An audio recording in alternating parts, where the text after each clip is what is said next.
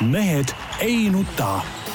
selle eest, et mehed ei nutaks, kannab hoolt Unibet, mängijatelt mängijatele tere kõigile, kes meid vaatavad ja kuulavad, ükstapuha mis ajal ja ükstapuha millistest vidinatest, Mehed ei nuta eetris. praegu on teisipäev, kell üksteist, Tarmo Paju Delfist. tervist. Peep Pahv Delfist ja Eesti Päevalehest. tervist. Jaan Martinson Delfist, Eesti Päevalehest ja igalt poolt mujalt. noh, mis me räägime poliitikast. no sina juhata meid sisse, me nagu ootame no, no,, oleme nagu ise- nooremad, nooremad suurte silmadega Mis- vaatame mis siin võtma, otsa, et kuidas, kuidas Ei. nüüd nagu hakatakse suunama meid ausalt öeldes eh, mina ei tea, mina sellest aru ei saa. kõik, kõik räägivad selle Kaja Kallase käigu kohta, kus ta Keskerakonna ministrid lihtsalt valitsusest välja viskas, on ju, et, et eh, nii ei tohi teha, ta oleks ise pidanud tagasi astuma, kõik. Peep, kuule, sa oled korvpallitreener, kui mängija mängib kehvalt, kas siis peatreener astub tagasi või? või, või kuidas see süsteem käib või lüüakse mängija no point ongi selles, et Kaja Kallas ei ole muidugi peatreener. kuidas ei ole? no miks ei ole? Kaja Kallas on meeskonna kaptengi, tohoh, kes see peatreener on siis? president loomulikult. aa, selline süsteem on meil Eestis hoopis. no, no Kaja Kallas kindlasti peatreener ei ole, aga mis puudutab seda, mis seal toimus, no mina olen muidugi eemal.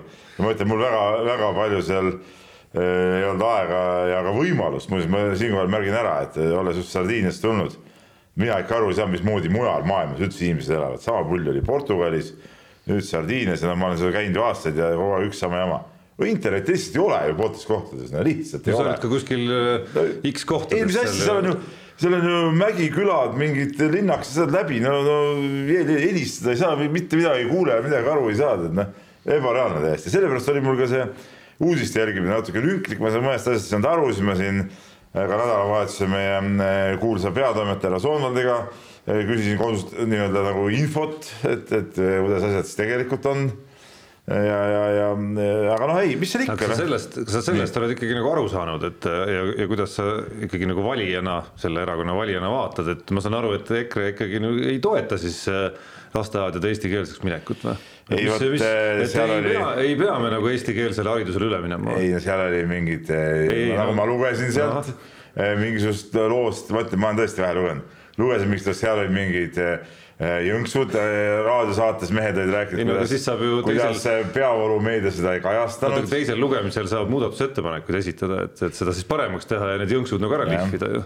ei, ma, ma ütlen ausalt, kuna ma ei ole, ei ma tean ka, ma ei ole selle, ma olin nädal aega ära, eks ole, täna öösel jõudsin, jõudsin tagasi, ma ei ole väga-väga tihedalt kursis tead sellega. ja ei, sa aga- mäletad, kevades oli ka vaata üks tegelane, kes mina ei tea midagi, mina olin, kus ta oli pauk käis. jah, oli kuskil jah ei no ma Aga ütlen ei- selles suhtes, et ega, ega mis nüüd on siis, no ega see Kaja Kallas ka vägisi ei saa peaministriks jääda, see läheb ka juba nagu eh, naeruväärseks, nii nagu see Jüri Ratase ponnistused vahepeal. ei no ega ta ei jäägi ju, see on ju selge, et ta ei jää. Või tähendab noh, jääb ühel juhul, kui tema saab valitsuse kokku ja ei jää teisel juhul, kui, kui ei, mina olen aru saanud, mingist vähemusvalitsusest on siin ka räägitud, aga aga- see ei ole nagu mingi toimiv asi tegelikult. ei, aga olete te kindlad, et ei tule erakorralisi val valimisi? aga miks peaks tulema? miks? sellepärast president kuulutab välja. nojah, aga eh, varem on ka peaministritele umbusaldust avaldatud, pole kunagi kuulutatud ju. Ei, aga see on presidendi siis nojah, aga ei ole nagu mingit põhjust ei no mis see meie kindlus siin maksab, aga meie saame usaldada, ma arvan, inimesi meie toimetuses kasvõi, kes on targemad ja kes ei pea seda tõenäosust ikkagi väga suureks. vähemalt siis, kui emb-kumb, kas Jüri Ratas või Kaja Kallas saab uue valitsuse nii-öelda nagu hääled kokku. kui olete koos, ei ole küsimust ju, milles asi ei, me põhimõtteliselt, aga põhimõtteliselt võib ju nii ka olla, et, et jäetakse see Kaja Kallase eh, nii-öelda valitsus sinna, aga siis ütleme, tegelikult siis. seda ei eksisteeri ju, sa mõtled see üksinda praegu, mis nad teevad või? ei no üksinda või, või sotsidega koos, et on see vähemusvalitsus on ju, aga tegelikult ju siis ju ükski asi läbi ei lähe, ma siis vähemusvalitsuse asjast ma ei olegi nagu aru saanud, mis point seal üldse on. ei, saad aru, kui ta, kui ta teeb hea eelnõu, mis sobib kõigile, miks ta ei peaks ei läbi siis muidugi minema? läheb jah, ja ma mõtlen, kui tahad seda kiusu ajada. ei, kui kiusu ja no aga praegu ae- aetigi ju kiusu, aetigi ju puhtalt kasvõi selle lasteaedade värgiga, see on ikka puhas kiusu ajamine noh. aga ma kuulsin, et nagu hea, head asja tehakse ka näiteks kütuseaktsiisi langetus, väga hea juba, seal hakkavad toimetama no kuulge, ma, oled sa kindel, et, et, et, et see kütuselaenu aktsiisi langetamine lööb bensujaamas hinnad alla, oled sa selles kindel või? ikka lööb, natuke ikka lööb no okei okay,, me võtame. ma saatsin, saatsin meie peatoimetajale ka pildi muuseas Sardiiniast, kus kütuse hind äh, tanklates oli madalam kui Eestis, mis on kahjuvaba täiesti. no aga asjad on selles mõttes kooskõlas, et äh, mis, et mis puudutab lastetoetusi näiteks või eriti kolme lapse puhul, siis oleme hoopis absoluutses tipus, nii et noh, kuskil on hinnad tipus, kuskil on toetused tipus. nojah, aga no saad ise ka aru, et see kütuse hind on absurdne, mis meil on. Võiks olla halba, loomulikult selle vastu ei vaidle keegi. eile võtsin aga, paagi täis, see oli täitsa aru, jube noh. ma saan aru, et praegu juba siin kuskil, äh, kuskil kuskil, kuskil sa Peep äh, ilmselt nii hästi võib-olla ei saa aru, et kuskil on nagu riigil endal nagu tulud ja kulud on ju, mis lõpuks peavad enam-vähem ja klappima. lõpuks ma vaatan ikkagi, et Eestis on see inflatsioon kõige suurem olnud, et minu arust valitsuse esmane ülesanne, ükspuha, kes see peaminister on, on teha nii, et see inflatsioon meil ei oleks kõige suurem, kõik muu on nagu teisejärgulisem, praegu praegu, mis praeguse valitsuse häda ongi see, et ta on nagu, ta on nagu liiga, liiga välismaa nagu, et koduste asjadele nagu üldse tähelepanu ei pöörata enam, see on nagu kõige suurem. ja olen sinuga täiesti nõus. jah, aga noh, siin vist äh, ma kahtlen, et meie kellegi pädevus on nagu piisav, et öelda, kuidas seda täpselt tegema peaks. kuidas neid hin-. ei no kuidas, mis, mis, mis need täpsed hoovad on? ei, seda ei, ei, ma ei no aga, aga selleks nad ongi peaministrid ja et- ja- ministrid ja täpselt. see on nende, nende üli- ülesanne.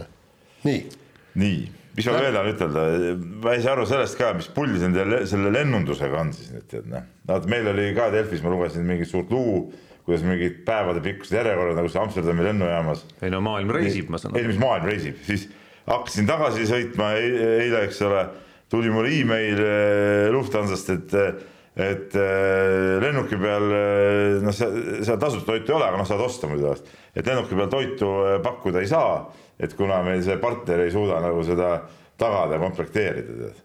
ma saan, okei okay,, ma saan aru, koroona ajal lasti mingid inimesed lahti, oli vähem, aga mis nagu eh, kevadel juba või, või talve lõpus aru ei saadud, et koroona on nagu läbi, et, et inimesed hakkavad reisima, et võtaks nagu uuesti rohkem inimesi tööle või?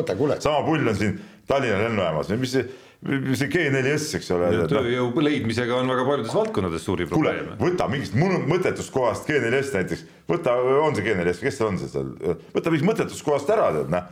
ja, ja pane sinna, kus on tarvis neid inimesi rohkem, tead, lihtne ju. ja maksa normaalset palka, siis saad inimesi tööle ka sinna, tead noh. ega ei ole, ega seitsmesaja euro eest sa ei saa kedagi tööle, tead noh. oled sa kindel, et see palk on seal seitsesada ei no ma, no see. no siis, siiski, ei no see, kui No sa, kui sa selle näite saab? tood, siis sa pead ka kindel olema, et see paika peab. kui see ei pea paika No, no,, okei. siis, siis, siis, siis, siis. kas sa arvad, et kui ma maksan näiteks tuhat viissada eurot, siis nad ei leiaks neid inimesi või? muidugi ei leiaks. No ku- loodan huviga, et meie saate kuulajate seas on turvafirmadega seotud inimesi ja nad valgustavad meid nädala jooksul mõne kirja. oota, stopp, Tarmo ja kui tuhande viiesajaga ei leia, siis tuleb maksta maksta rohkem, no muidugi, lihtne. täpselt, oma kasumit tuleb natuke vähendada ja midagi teha ei ole siis tead noh. no siis äh, võib ka lihtsalt juhtuda, et see Või- äri ei olegi kasumlik ja Või- turvafirmasid ja teenust ei olegi võimeline pakkuma või lennu, lennujaam vahetab välja selle, kes seal nagu toimetab, no ei saa niimoodi olla, et et, et teenust ei pakuta, ma saan aru, seda Amsterdamis mingid tühjad lennud, lennukid lendasid minema, seepärast suudeti inimesi läbi lasta sealt, no see on nonsenss ju tead noh. no see pole enam turvatöötajate puudus, see on juba mingi muu töötaja, mis seal puudu on ilmselt. ja siis need, kes on olemas, need peaks rohkem ära tegema, kui suudeti inimesi tagada, minu arust väga lihtsalt äh, hoovad ja vahendid on olemas kuule, seal on ju ametiühing. ametiühing on saatanast ja sellepärast on saatanast ka see, mis mind kõige rohkem närvi ajab praeguse olukorras, et need pagana sotsid võivad võimule saada, no tere hommikut, no see ongi nagu ametiühing, üks suur ametiühing ju tead noh. ja see on saatanast. no aga kultuuriministeerium sotside oma oli ju päris okei ei, sotsid on alati saatanast, nad on, ongi nagu ametiühing, ametiühing on kõige hullem asi maailmas. et ühest küljest sa ikka tahad nagu, et maks, makske rohkem töötajatele palka, aga ametiühing on ka saatanast, kes võiks, kes võiks kuidagi Tööandjad nagu, peavad ma ei ütle praegu ei ega jaa ametiühingutele, aga ma ütlen, et teisest küljest on nad saatanast, kuigi sa- nad, kuigi nende ülesanne võiks olla nagu äh, seista selle eest, et makstaks siis sa rohkem jaa ei julge ütelda, sest tead, et meie peaminister Soomlane on nende suur vastane, sa ei taha. Ei, ei taha pärast, ei peale see- saad tema loengut ei kuulata no see on täitsa tobe liin sul praegu, praegu, aga, aga ma ei saa sinust aru, et sa räägid nagu endale ka vastu kogu aeg siin. no sellega räägidki, et ühest küljest on nad saatanast, teisest küljest nõuavad, et makske rohkem palka Aga. see- ametiühingute üks töö nii-öelda ülesandeid on seista selle eest. võtavad mingid tööajad, mingid eh, muud jurad, mingit tööaega sellist ei ole üldse olemas, teed täpselt nii kaua, kui tarvis on teha. no kui see sellise lubadusega lähed turvatöötajaid palkama, siis ei leiagi kedagi noh. jah, siis. no aga see, see kõik, mis sa räägid, on väga vastu. tähendab seda, et seda peavad tööandjad ise aru saama ilma ametiühinguta, et, mis palka oma inimestele maksma, maksta, seda ei ole ametiühingut tarvis. No nii, kuule, lähme nii, lähme spordi juurde ja. üheksa minutit, mõttetut juttu. no kes see meil peakõneleja oli siin üheksa minutit? sina loomulikult vaidlesid. kust otsast? oleks vaidlema hakanud, oleks ammu läbi olnud teemaga. nii, Peep, üle pika aja nägid Ott Tänaku võitu ja tegelikult no ühesõnaga võitev Ott Tänak, nagu kõik võivad teleekraanilt ega intervjuudest näha, on ikka hoopis teine kui mittevõitev Ott Tänak, et on nüüd Hyundai auto siis lõplikult hea või, või oli, oli nagu nad rääkisid, ainult Sardiinia ralli jaoks hea? no seda on ju meil nagu väga raske hinnata, aga seda, et asjad on paremad, oli näha juba enne rallit, ehk siis rallieelses intervjuus Ott oli rahulolevam kui, kui näiteks kõvasti rahulolevam kui kaks nädalat tagasi. pluss teine asi seal ka inimesed, kes nägid seda rallieelset testi, ütlesid, et et Ott ei ole pärast testi juba väga pikka-pikka aega nii rahulolev olnud, et, et et nagu märgid olid nagu õhus, et, et see sardiine võib hästi minna teisalt muidugi noh, kunagi ei tea ju, ju mis, mis selle autoga seal võib juhtuda või noh, Sardiinia ralli on väga keeruline ja raske ralli. aga no, no Sardiinia jaoks nagu Ott ütles, nad leidsid mingisuguse äh, nipi või, või, või nõksu või, või mingi asja, kuidas seda autot nagu heaks teha.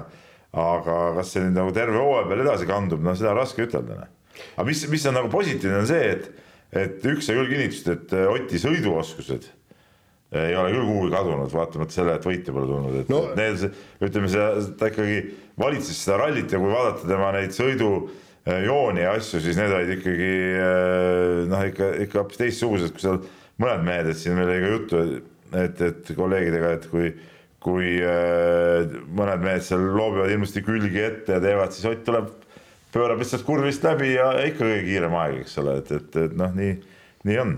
ja, ja, ja, ja kusjuures noh, ütleme tõesti, see, see oli see, mis ääretult meeldis, oli see, et, et see parimate päevade Ott Tänak, kes tegi juba niisugune pooleteist ralliga endal turvalise vahe sisse ja siis, ja siis läheb viimasele päevale, kui ta ütleb, et noh, et minu ülesanne on asja rahulikult võtta, rehve säästes, paugutab esimesel kiiruskatsel ikkagi lühikesel kiiruskatsel ühe koma, ma ei tea, viie sekundiga parima, parima aja et.... no see oli läbi, läbi terve laupäeva ka pärast seda, kui Esa-Pekka Lappi ju ju avarii tegi, katkestas, no tal oli, edu oli turvaline ja ta rääkis kogu aeg sellest, kuidas ta üritab lihtsalt puhtalt sõita. ja, ja seda asja nagu rahulikult võtta, aga ikkagi ülekaalukalt võitis ju kiiruskatseid, et, et see juba näitas ära, et, et, et sihuke õige vana, vana aja Ott on, on igal juhul nagu tagasi. ainuke, millest on nagu kahju, et punktide mõttes ütleme, lähemale liikumine Rovanperale nüüd nagu selline nagu väga hiiglaslik samm ei olnud, et kümme või natuke peale punkti oli tegelikult pärast punktikatse nii-öelda väikest tasandust no kuus rallit veel samamoodi ja, ja ongi, ongi käes yeah.. no väga raske, väga raske, kuus... nagu sa tead, autospordis on o kuuel rallil järjest niimoodi, niimoodi kümne punkti kaupa nagu naksata. hooaja lõpp oli rohkem kui kuus rallit. ja, aga, aga noh, eksimisruum noh, nagu sa tead no,, on väga väike. ja väga väike jah. ja kuule, aga nagu ma sain aru, on, on ikkagi väikseid tehnilisi probleeme sellel Hyundai'l olemas ja te, tegelikult Tänakul äh, vedas kõvasti, et, et jäeti ära äh, päeva kaks viimast katset ja, ja tal oli masinaga probleeme, sama, mis oli Neuvillil siis. ja see ei olnud vist päris sama asi tegelikult mm,, et, et seal oli Jaan Reamees, panid tähele pealt või? ei, ma küsisin ah,. Ah, see oli okay, küsimus, see oli küsimus. et oli sama probleem, mis Neuvillil, siis ütles ei olnud jah. ei, ei, ma küsisin. aga ma saan aru, see päris, mina sain aru, see tiimi pealt jutust, et see päris, päris sama asi ei olnud, aga jah, probleem seal oli. ja sel hetkel, kui, kui see päev nagu läbi sai seal üks, üks tagumise otsa mees põletas oma auto maha ja sealt tekkis suur, suur segadus ja, ja, ja lõpuks jäi üks katse ära ja siis nad ei suutnud, nii-öelda ametlik selgitus oli, et ei suutnud äh, regruppi seal korraldada enne viimast katset jäi see ka ära. siis, äh, siis Ott ütles ka samal õhtul, et noh, meil nagu vedas, et see ära jäi. aga ma saan aru, et pärast tuli välja, et, et see, et see häda ei olnud vist nii suur ikkagi, et äh, see auto oleks igal juhul nagu vastu pidanud, no on see nüüd nii või naa, raske ütelda, aga aga selge see, rallis paratamatult tulevad neid mingeid probleeme ette, see on, noh, see on ju selle spordialast sisse kirjutatud, no ole sa siin Hyundai, Ford või, või Toyota, et, et seda tuleb ette, aga, aga see on nagu huvitav, et, et Tänakule see Sardiinia ralli ikka jube hästi sobib, noh. et ta on kogu aeg seal olnud tipus ju. ta on küll ainult korra varem seal võitnud, aga ta on ju kaks korda liidri kohalt äh, pidanud ära kukkuma ja, ja noh ühe korra veel viimasel kiiruskatsel, eks ole, punkti katse, kui ta seal oli võimeline, see oli kaks tuhat üheksateist vist äkki. et, et neid probleeme on tal seal olnud, aga ja teine asi, ta ütles, seletas, et vana Hyundai oli sihuke hästi kõrge auto, et sellepärast Hyundai'le sobis sinna Vilja ka seal võitnud ju. Sardiinia, aga uus auto on madalam ja noh, ütleme ta ei, ei teadnud, kas see sama hästi nüüd see Sardiinia sobib sellele teele või mitte, aga näe, sobis nii Hyundai'le kui, kui Tänakule no seal rallil oli muidugi veel üks asi, mis, mille just eelkõige soomlased üles kiskusid, oli siis see punaste lippude no. aga see oli, see oli ka mingi pseudoteema, et noh, mingisugune tont seal äh, lehvitas kuskil tee ääres seda lippu, noh no läks väga nihu lihtsalt, et mis sellest väga pikalt ikka rääkida. jah, et, et see on nagu selles suhtes, et no ta ei pidanud seda lehvitamagi üldse tegelikult. ei, seda on küll, aga ma veel kord ütlen, et, et sealt on näha kohe, et, et kellel, kes on nagu äh, kõige suuremas hädas ja kes, kes hakkavad vaatama. ei no seal et, et... pressikeskuses oli ka äh, jutuks viimasel päeval, no tead, teadupärast Sardiinia ralli on selline ralli, kus pressikeskus mitte kedagi ei ole, sest pressikeskus astub seal, asub seal üleval, noh, sa tead seda, eks ole, seal linna sees ja seal nagu kedagi ei ole, aga viimasel päeval siis eh, noh, mingid ajakirjanikud sinna ikka kogunevad ja siis seal oli, oli, oli ka jutuks ja, ja meie ühine sõber eh, Rainer, kes on alati väga eh, jutukas ja, ja, ja üldse sihuke pungivend, veinitootja, endine jalgpallur ja, ja on vist rallit ka natuke sõitnud. tema seal käis välja, et, et ei no see on ikka poliitiline otsus, et et äh, Hyundai tiimi nagu ikkagi nagu ütleme mängus hoida ja ütleme, et see on et sellepärast, sellepärast karistust. mingile mehele anti ikkagi nagu lipp kätte ei, ja et lehvitada. ei, ei, poliitiline otsus, karistust ei antud. aa, selles mõttes. ja, ja, ja, aga, aga soomlased tegid sellest ju. soomlased tegid selle suure, suure. suure, suure kella külge ja kusjuures nad ju vaatasid üle, neil oli kõik ju äh, see MTV3-s olid suured pildid olid, et pardakaamerast, et näed, et punane lipp on siin, et näeb ja siis nad ju selle kuulasid üle ka selle omavahelise vestluse ja et siis Järveoja suust käis läbi sõna äh, punane, et mida, mida, mis siis soome keeles ja siis see teine, kes see ka sealt äh, pani nüüd mm, täie kiirusega ja pani veel lõpuni. see Formeau. Formeau ja seal ei, oli ka. just, et nemad olid ka siis öelnud, et rouge et noh, et, et ühesõnaga punane, et ühesõnaga nad kõik nägid lippe, et ja, ja kõike. ja lippe vaid ühte lippu. või ühte lippu jah, ja, ja, ja siis, aga no soomlastel on muidugi kakapüksis ju see pärast seda, kui, kui Tänak selle ralli ära võitis ja küll nad ikka proovivad suskida ja no, susserdada. siis püksis on no, miks ei nagu, ole noh. Nagu ei no selles suhtes, ega see ralli oli mõnes mõttes, need tulemused olid väga huvitavad. ei no need olid loomulikult väga huvitavad, et see, see annab, see annab lootust, et läheb võist, võitluseks ja lõpuks ometi tuli, tuli üks ralli, mille tulemused andsid lootust, et läheb võitluseks selle loo ajal. Toyota oli täitsa mängust äh, väljas tegelikult. Ja mis oli siis nagu see üllatus ma ralli ajal kirjutasin, et, et M-spordi, noh, see on täitsa nässus omadega ja siiamaani oli ka olnud täiesti nässus, no jätame selle äh, lööbivõidu seal esimesel rallil kõrvale, siis nüüd olid Fordid ikka ikkagi väga võimsalt pildis ja, ja väga hästi sõitsid, et no samas ma üritasin nagu saate eel hakata nagu samast, samasugust juttu rääkima, et, et Rovanpera kuidagi aeglane ja nii edasi.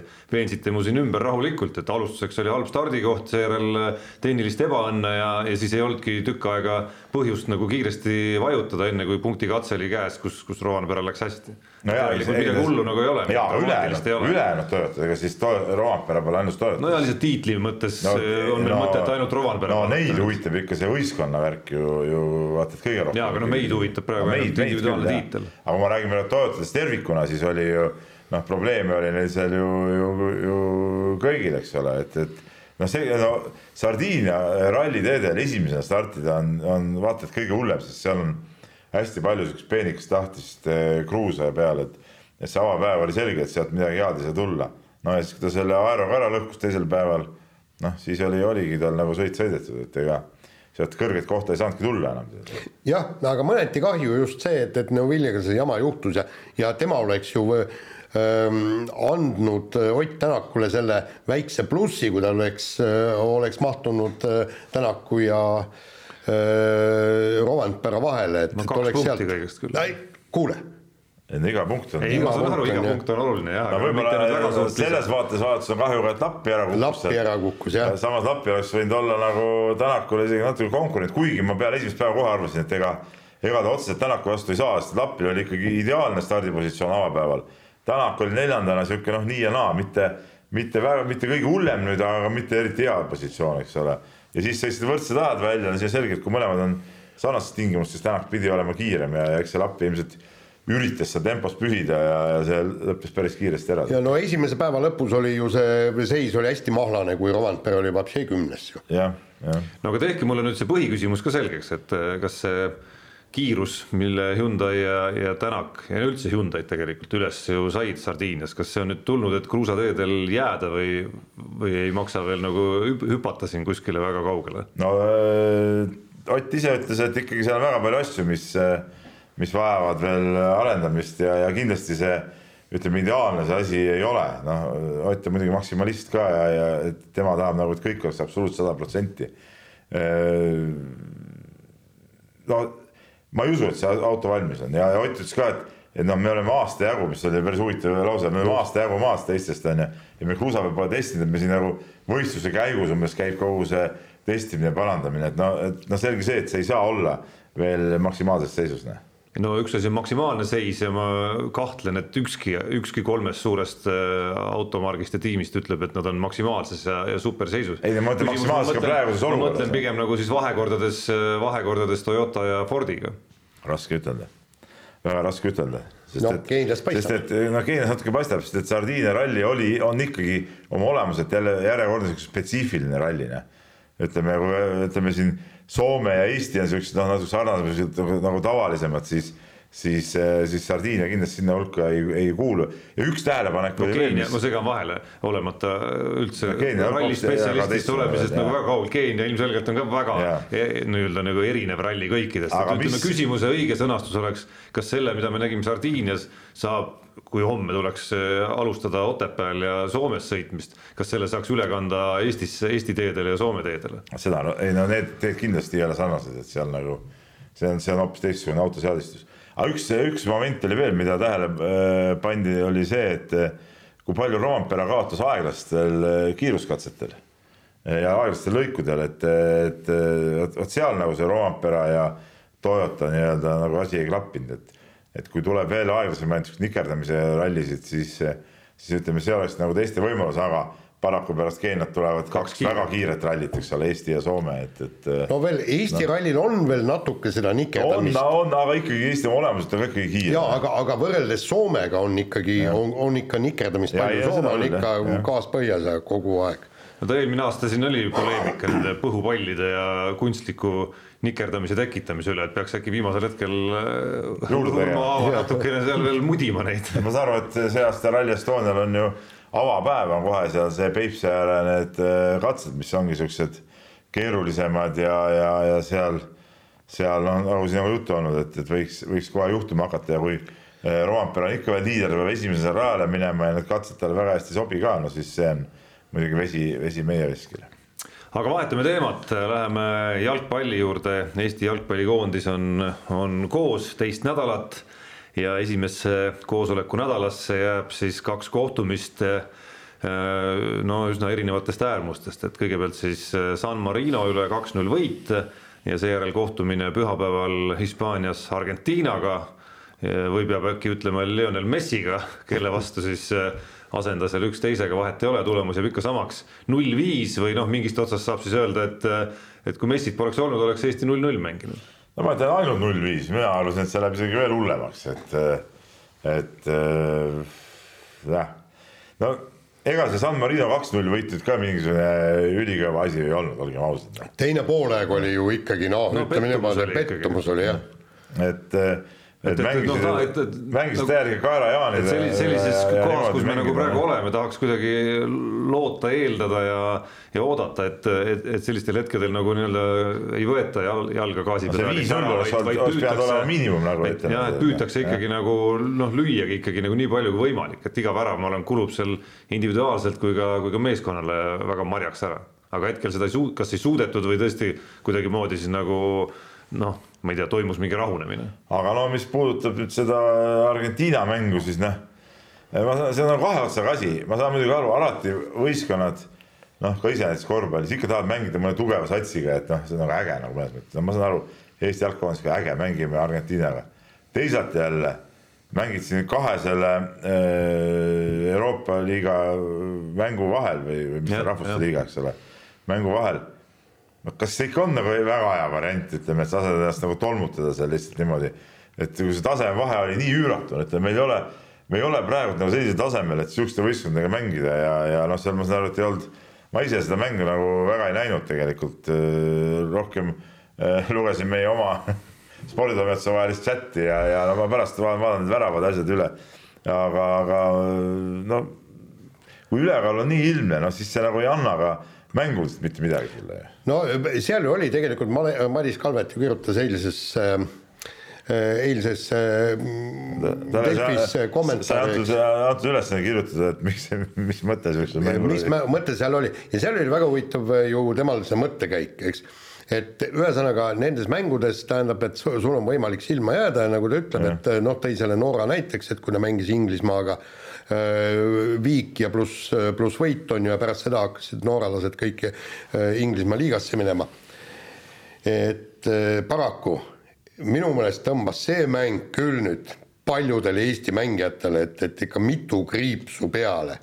sellepärast, et nad ikka mängisid ikkagi no kehvalt mängisid kehvalt ja kui me vaatame, see oli ikka, kohati oli täitsa noh, niisugune kurb, kurb naljakas oli vaadata, kuidas lasti jala pealt palli ära võtta, ei suudetud isegi kümne meetri kaugusele sööta ja, ja, ja no mis sa niisuguse vennaga teed, et kuhu ja, ta nüüd läheb? jaa, et seal teisel poolel oli üks olukord, ma ei tea, Jaan, kas sa mäletad, kus kus me oma väljaku poole peal tulime kuidagimoodi nagu sealt mingist võitlust olukorrast saime palli ja siis tulime sealt surve alt välja vasaku ääre kaudu kuidagi ühe puute söötudega õnnestus see pall nii-öelda nagu enda kontrolli alla saada, äärt vahetada ja, ja siis noh, natukene kaitsjatele tagasi anda ja siis, siis kommentaator Ott Järvela noh, nagu ma ei saa öelda, et aplodeeris, on ju, aga noh, see oli, see oli nagu tähelepanuväärne sündmus selles mängus tegelikult, et mis, mis noh, viitab ka selle taseme vähe, vahe olemust ikkagi, et me ei noh, et, et me, me suudame ühe korra võib-olla mängu jooksul nagu sellise olukorra püsti panna, sellis-, sellisel moel nagu kontrolli saada. see, no see meenutas mulle natuke seda, kui kui see oli üheksakümnendatel, kui Eesti mängis Itaaliaga ja kaotas ainult äh, null kaks, mäletad seda? ja siis, äh, siis seal oli ka mingi olukord. see on midagi muud kui null viis. ei, mis midagi muud jah ja seal oli ka mingi olukord, kus siis, ma ei mäleta, kes Eesti mees seal korraks palliga nagu sai kellegist mööda ühest vastasest korra või itaallasest kellegist ja midagi oli ja siis oli ka nagu ütleme, kommentaatorite vaimustus, äh, sihuke puhang oli selle peale aga see oli üks olukord terve mängu peale. no okei okay,, nüüd ütleme, natuke meil olukordi oli natuke ei, rohkem oota, siiski, meil oli ikkagi üks, üks reaalne värava võimalus oli ka. nüüd me oleme ikkagi, äh, möödas on siis kolmkümmend aastat, eks ole ja me oleme ikka täpselt samas seisus, noh, või vaata, et veel hullemaski. Mm. aga, aga samas noh, muidugi äh, vaadata ja jälgida, kuidas Messi neid, neid palle sinna väravasse peksab, see on ikka noh, kena ja meele, meeli ülendav vaatepilt. ütleme, kõige koomilisemad olid muidugi need, need kaks viimast väravat, eks üks oli vist eelviimane see, kus see Eesti lõpetas mängimise ära millegipärast onju. no vilet kuuldi. ei no kuuldi, no kuule. mis siis, mis siis Messi on kutt või? Messi, tropid olid kõrval nii, eriti naljas oli Vassiljev, kes hakkas teisel pool jalutama hoopis, jäi seisma ja hakkas teisel pool jalutama midagi.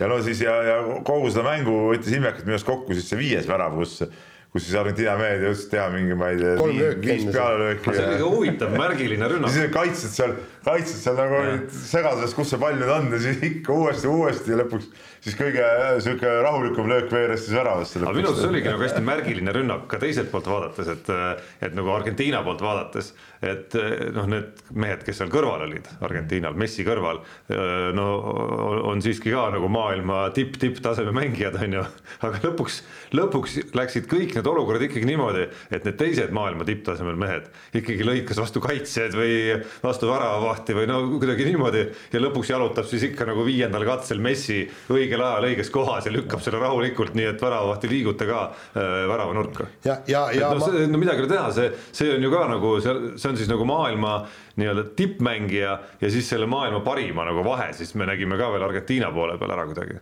ja seda küll, aga no ütleme kui Messi poleks olnud, ega siis küll need teised oleks ka neid väravaid seal löönud, no selles mõttes ei kahtlegi.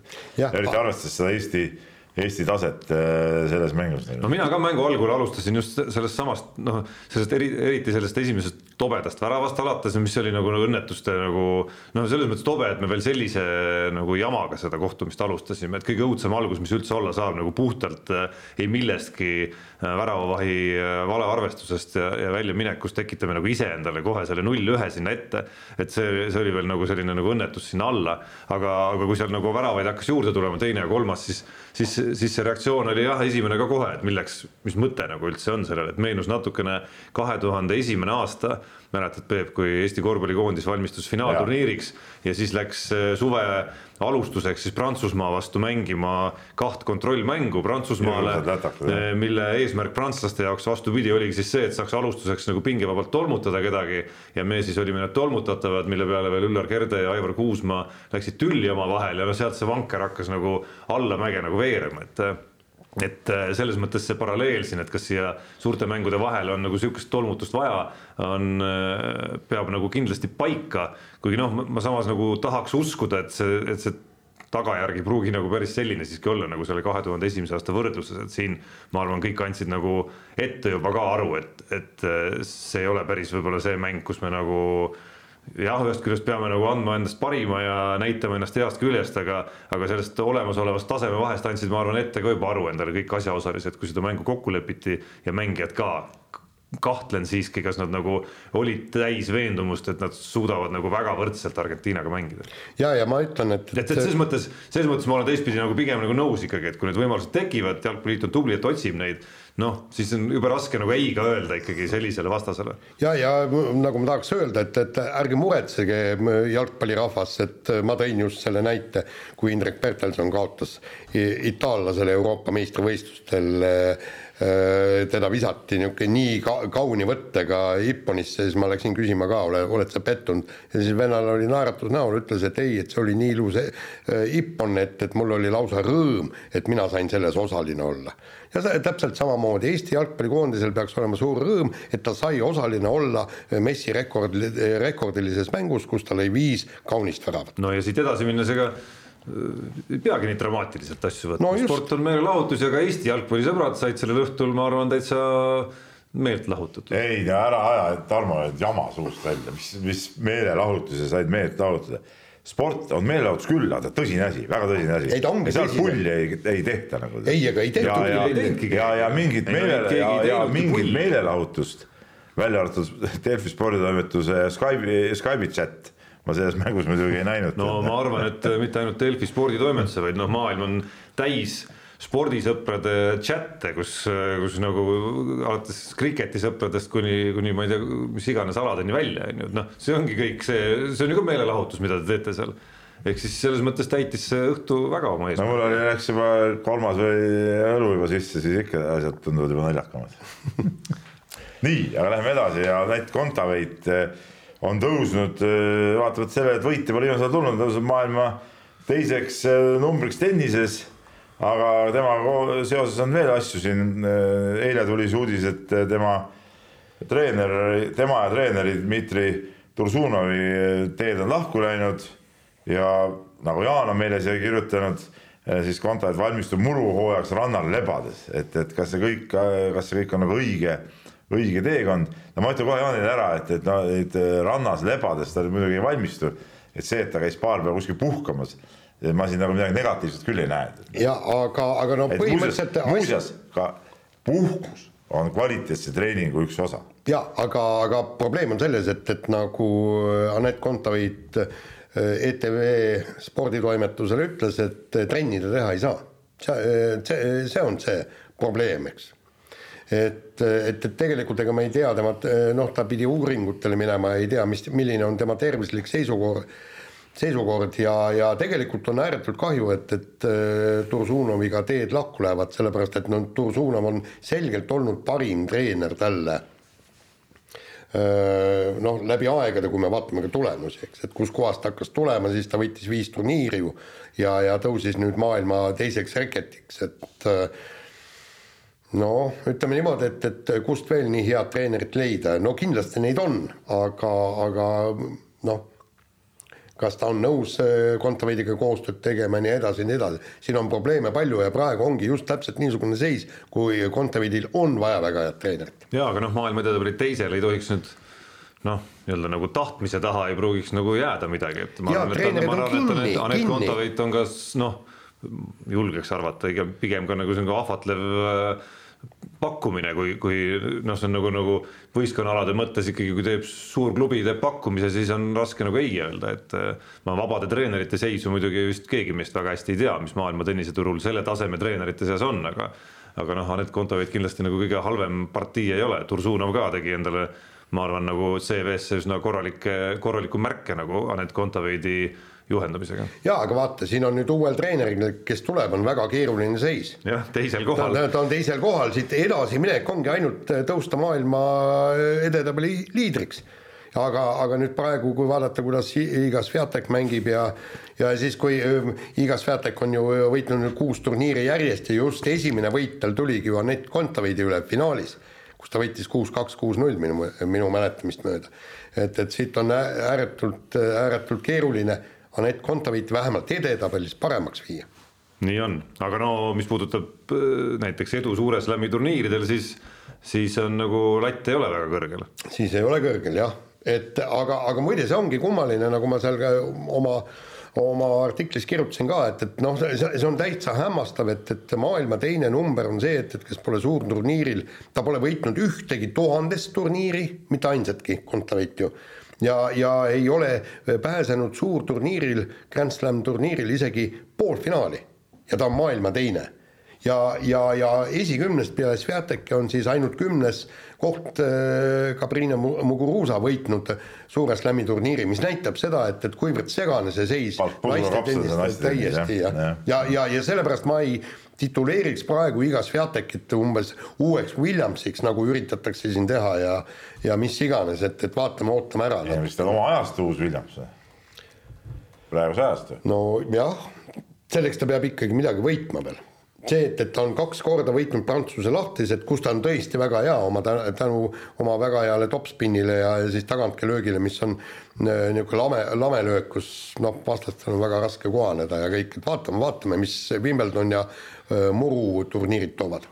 ja et no nagu lisan sellele, jäin korra äh, kontrollima lihtsalt, et et nagu jooksva nii-öelda tabeli sees ei ole ju Anett Kontaveit isegi ka veerandfinaali jõudnud ühelgi suure slami turniiril, et et noh, see muudab selle nagu teisel kohal olemise nagu veel noh, ebatavalisemaks mõnes mõttes, aga noh, kui neid punkte vaadata, siis, siis on näha ka, mis see põhjus seal on, et on üks esinumber päris pikalt ees ja siis on väga tihedas tihedas seltskonnas ja väga väikeste vahedega juba hästi palju tennisiste, et, et nii saab see nagu juhtuda nii, aga võtame siis järgmise teema ja räägime nüüd korvpallist ka natukene, et et kuskilt tuli uudis, et Ukraina klubid tahaksid Eesti-Läti korvpalliliigaga liituda, et, et kuivõrd sellel on tõepõhi all ja kas, kas see tooks meie korvpallile kasu ja kuidas see üldse võimalik oleks? sest ikka noh, Ukraina on piisavalt kaugel ja, ja mis siis on, et me peaksime sinna sõja. ei, ei, ei, jaa, no uudisesse endasse alustuseks kohe. kõigepealt, kõigepealt küsimuse ees, kas see tõepõhi all me ise Delfis, eh, ma olin Sardiinias, lasin helistada Atsil, tegime uudise, et, et on tõepõhi all sellel. see uudis kõigepealt tuli Läti Delfi kaudu, sest lätlased kuidagi teadsid sellest asjast varem. Eh, kuigi siis käis vist ühest satsist jutt alles, kui ei, Läti Delfi esimest korda kirjutas sellest. siis käis ühest satsist jutt jaa, aga aga ja, ja nad viibivad praegu ju, nad viibivad Lätis ja hakkakski mängima nagu Lätis ja võib-olla üks sats tuleks isegi Eestisse, seda täpselt ei tea no ütleme, mina ütlen nii, et, et kui ütleme kuni kolm satsi võiks täitsa okei okay olla, see teeks liiga päris põnevaks, mängude arv suureneks, no siis oleks liigas äh, kokku mingi kuusteist võistkonda, no see oleks päris, päris tore tegelikult, et noh, see oleks nagu päris päris, äh, päris sihuke tipptasemel liiga moodi ikka. ja, et mul, no esimene emotsioon mul on nagu mitmes mõttes positiivne selles suhtes, esiteks nagu selle meie enda kohaliku liiga noh, konkurentsi tihedamaks muutmise osas, taseme muutmise osas ja teine on selline nagu emotsionaalne noh, seda arvestades ja, ja seda, et me kuidagi noh, mingis mõttes ulatame ju, ju ka abikäe ukrainlastele no,. selle teise, selle teise punktiga nii, et, et kas ukrainlased ei peaks mitte nagu rindel olema, selles on küsimus. ka sportlased kõik no., kui üks mees. no ma ei tea, nagu noh, põhimõtteliselt küll ju tegelikult ju ei peaks ma ei tea, kas kui ma arvan, et ma olen aru saanud, kui, kui keda kutsutakse, need ka lähevad sinna, ehk et neid tegevsportlasi oleme seal rindel näinud küll päris palju. ma ise mõtlengi, et kui on sõda, et miks kõik. kõik ei ole, ega kõik Ukraina mehed rindel ei ole. ja, ja muide, muide ka nii-öelda teise maailmasõja ajal ka, ka Nõukogude Liidus olid ju, olid nii-öelda spordiroodud ja toimusid. ei no midagi, muidugi, et äh, kas mitte Johannes Kotkas ei olnud Vasareites, Vasareites. liidu meister mingi sõja ajal näiteks. aga mis ma nagu lisada tahtsin siia, oli veel see, et no muidugi me ei tea, mis eh, nagu mis tasemel need, oletame kolm Ukraina klubi, mis tasemel nad suudaksid sellistes oludes eksisteerida. et eh, kas sellisel tasemel eelarveid eh, on nad suutelised näiteks kokku saama ja kindlasti nii tegutsemine on ka natukene kallim kui seal kodus tegutsemine. pesitseda kuskil eemal ja, ja nii edasi ja ma ei tea, kui palju sealt lätlased, eestlased aitaksid neid ja et, et, et mis see tase nagu saaks olema nii rahalises mõttes kui sportlikus mõttes. et kui nad suudaksid nagu samal tasemel ja jutt käib Ukraina Äh, viimase hooaja nagu top klubidest ja. ikkagi. et noh, siis, siis, siis see nagu ühe nagu sellise küsimuse tekitab, mis, mis on mõnes mõttes mul väga hea üle laua siin suunata, et, et ajal, kus Keila korvpalliklubi äh, arutleb ju ka sisemiselt ja räägib sponsoritega ja, ja, ja nagu see teema on aktuaalne, kas liituda siis nagu kõrgemal tasemel liigaga. et, äh, et kas see fakt, et see liiga muutub suuremaks Äh, ja just nagu muutuks, oletame, et ta muutuks nagu tipu juures, et tuleb nagu Riia VEF-i ja Cramo ja nagu pigem nagu seda masti sellel tasemel klubisid juurde, et see natukene tõstab ka seda noh, ütleme siis äh, sealt altpoolt juurde tulijatele ja liiga tagumistele tõstab ikkagi nagu seda latti, mida, kuhu nemad oma eelarvet peavad saama ja mis taset nad peavad suutma nagu välja kannatada. ei, ma ei arva, et see midagi tõstab, et, et ja, ja kindlasti need, ma arvan, need klubid ei tule. no ma arvan ka, et ei tule. päris sellisel tasemel, nad kui tulevad, siis tulevad ikka oma meestega ja pigem ja, ja, ja, ja noh, selle teistpidi mõtled, noh muidugi hea, kui need eriti need noorema põlvkonna Ukraina mehed saaksid siin, saaksid siin mängida ja, ja võimalused on sellele, et, et, et kokkuvõttes ma, nii nagu ma ütlesin alguses, ma, mina arvan, et kui kolm klubi näiteks tuleb, see on väga hea, muudab liigat tihedamaks, liigat suuremaks ja, ja, ja see, mina iga, igal juhul kahe käega selle poolt, et see nii, et see nii oleks. aga esimese saateosa lõpetuseks veel äh, kiirelt sutskat võrkpallijuttu. Äh, palju on olnud äh, Eesti võrkpallikoondise ümber teemat sellest, kuidas on tulnud uus treener ja uus mängustiil ja väga palju oleme lugenud ka pealkirja, kuidas osapooled tunnistavad, et ei ole veel kohanetud selle, selle nii-öelda kiire mänguga, mida siis uus treener nõuab ja, ja rõhutab ja juurutab, aga samal ajal vaatame, võidud vaikselt muudkui tulevad ja tulevad, täitsa no. lustlik näeb see asi välja seal. no jaa, aga ütleme see, need igast kuldliigad ja, ja, ja hõbeliigad ja mis suvel mängitakse, noh, need on siuksed natuke siuksed noh, need on kasulikud asjad muidugi, seda mehed saavad mängida igast ja nii edasi, aga keegi ei põruta seda täies koosseisus, et noh, see nagu päris täit äh, pilti ei anna. teine küsimus, mis minu arust on, on see, et, et väga tore, treener mõtles välja siukse asja, nii ma tahan, et need mehed mängiks nüüd hästi kiiret võrkpalli. aga kokkuvõttes, kas, eh, kas ütleme, mängu ei peaks ikka üles ehitama vastavalt sellele, mis materjal sul käes on, et kas see, kas need mehed, ütleme nagu tipptasemel mängimiseks eh, on üldse valmis sihukest kiiret mängu mängima, noh. no miks sa arvad, et ei ole?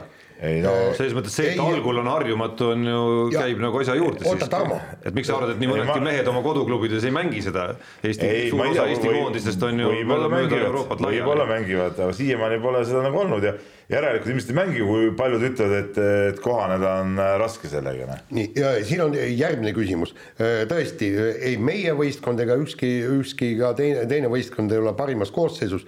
meil ikkagi põhimõtteliselt need ässad praegu ju ikkagi on suvepuhkusel ja, ja mängib põhiliselt no,. teistel ka muidugi. ei, ei tea, aga, aga see, jaa, see, aga see mind ei häiri, mind häirib see, et, et praegu tõesti äh, see meie nii-öelda teine ešelon saab kuus väga head mängu ja nad tõesti äh, noh, mida mäng edasi, seda paremini nad mängima hakkavad, nüüd viimati võõrsil võitsid ju Belgiat kolm-null. Ja nemad võib-olla kohanevad selle süsteemiga. Ja, aga nüüd tulevad need põhimehed, kes peaksid minema EM-ile ja, ja, ja hakkama, hakkama siis neid põhimänge mängima, et kuidas nemad nüüd kohanevad, kas nad saavad piisavalt palju nagu treeningaega, piisavalt palju kontrollmänge selleks, et see uus süsteem, kiire võrkpall üles ehitada, vot see on küsimus.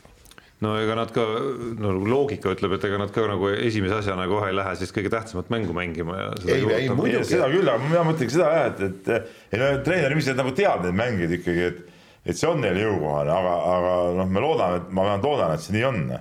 et lihtsalt lambist mõelda, et nüüd hakkame kiirelt, no see on sama hea, kui tuli see äh, Raplasse see Hispaania treener ja hakkas rääkima, kuidas ta korvpallis armastab äh, kiiret korvpalli ja kiiret tegutsemist, aga noh, kokkuvõttes see koosseis ei olnud ju valmis selliseks mänguks ja ja sihukest puterdamist ja, ja lõterdamist oli seal nagu rohkem kui rubla ees. jah, aga noh, teisest küljest oleme siin saanud jahuda ju nagu viimastel aastatel omajagu, et justkui me ei ole nagu noh, kasvõi EM-finaalturniiri tulemuste pealt nagu näinud mingisugust selget edasiminekut nüüd kohal, kus, kus justkui nagu noh, ootust on, et see tuleb, et noh, võib-olla, võib-olla ongi see täpselt see, mida nüüd vaja on, et keegi lükkaks selle asja nii-öelda nagu mugavustsoonist välja ja, ja teeks mingi kardinaalsema muutuse ja, ja noh, see on nüüd see koht, kus saab seda nõmedat lauset öelda, mida Jaan armastab teemade lõpetuseks öelda, aga noh, siin tõesti nagu ainult praktika näitab, näitab, kas see on õige või ei ole. muide, kas ma eksin, Äh, äh, naistekoondise uus treener, kes, kes nüüd äh, eelmine tuli, tema hakkas ju ka oma süsteemi juurutama, sellega ei jõutud mitte kuhugi. tähendab, enne, enne seda nii-öelda vana süsteemiga me jõudsime finaalturniirile välja, aga, aga siis see uus Itaalia võrkpall nagu, et, et sellega ei veetud ikkagi samale tasemele kuidagi välja ja siis kas ei olnud, et tüdrukud ise ütlesid ka, et noh, põhimõtteliselt terve aastaga üritasime, aga näed ei tule välja, et see ei sobi meile. no mis ei tähenda, et antud juhul meeste puhul ja, see ei, konkreetne see... treener, see konkreetne muutus äh, ka ei peaks sobima. põhiline ongi see, mida mehed nagu ise tunnevad ja kui nad tunnevad, et see on viis pluss nende jaoks, siis, siis andku kuuma. Noh. kõll, kõll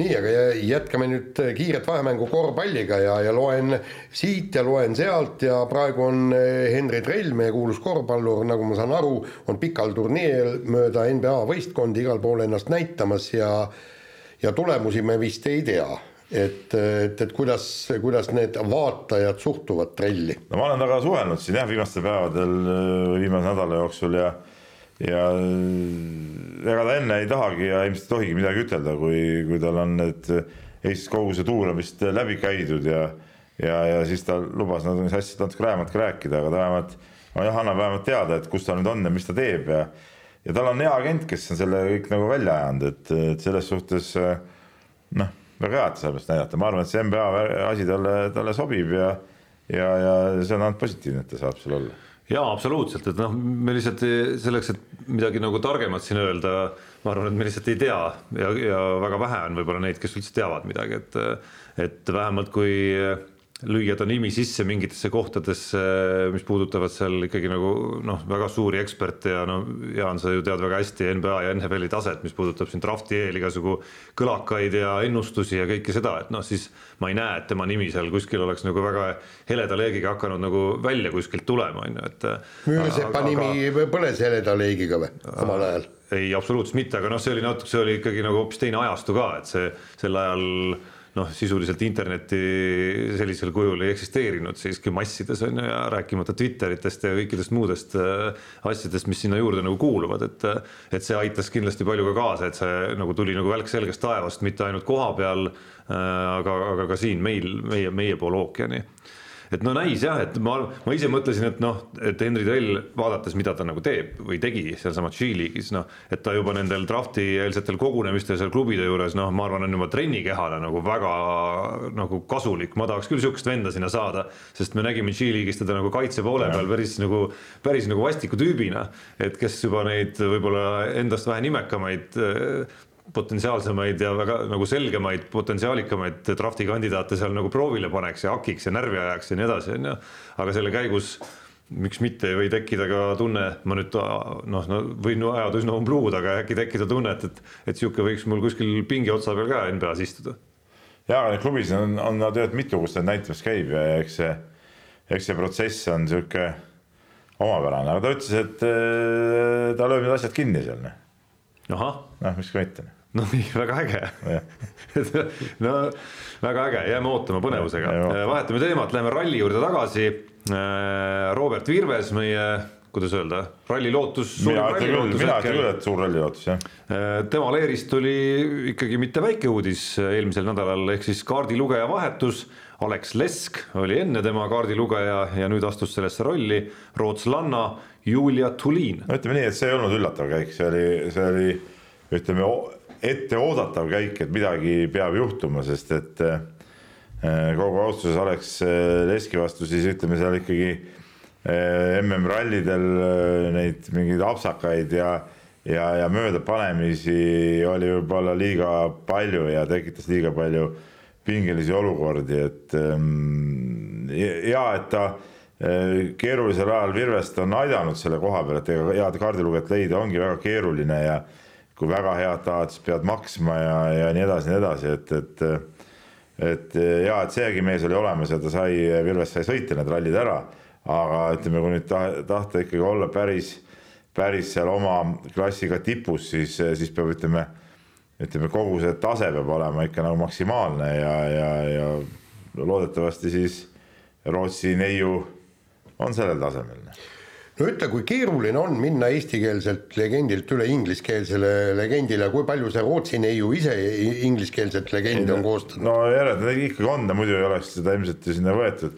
kindlasti keeruline alguses, noh, kindlasti on keeruline, aga, aga ütleme selle sammu, noh, Marko Märtin tegi kunagi ära selle sammu, noh, et, et ja, ja, ja Georg Linnamäe sõidab samamoodi ingliskeelse legendiga, et, et jah, eks see on nagu harjumise asi, noh Äh, ma saan aru, ma nägin just sotsiaalmeedias mingit pilti ka, et äh, need WRC, juunior WRC autod olid kuskil äh, testimisel ja juba need nimed olid peal, et nüüd see Poola ralli on vist nüüd tulemas ka, eks ole.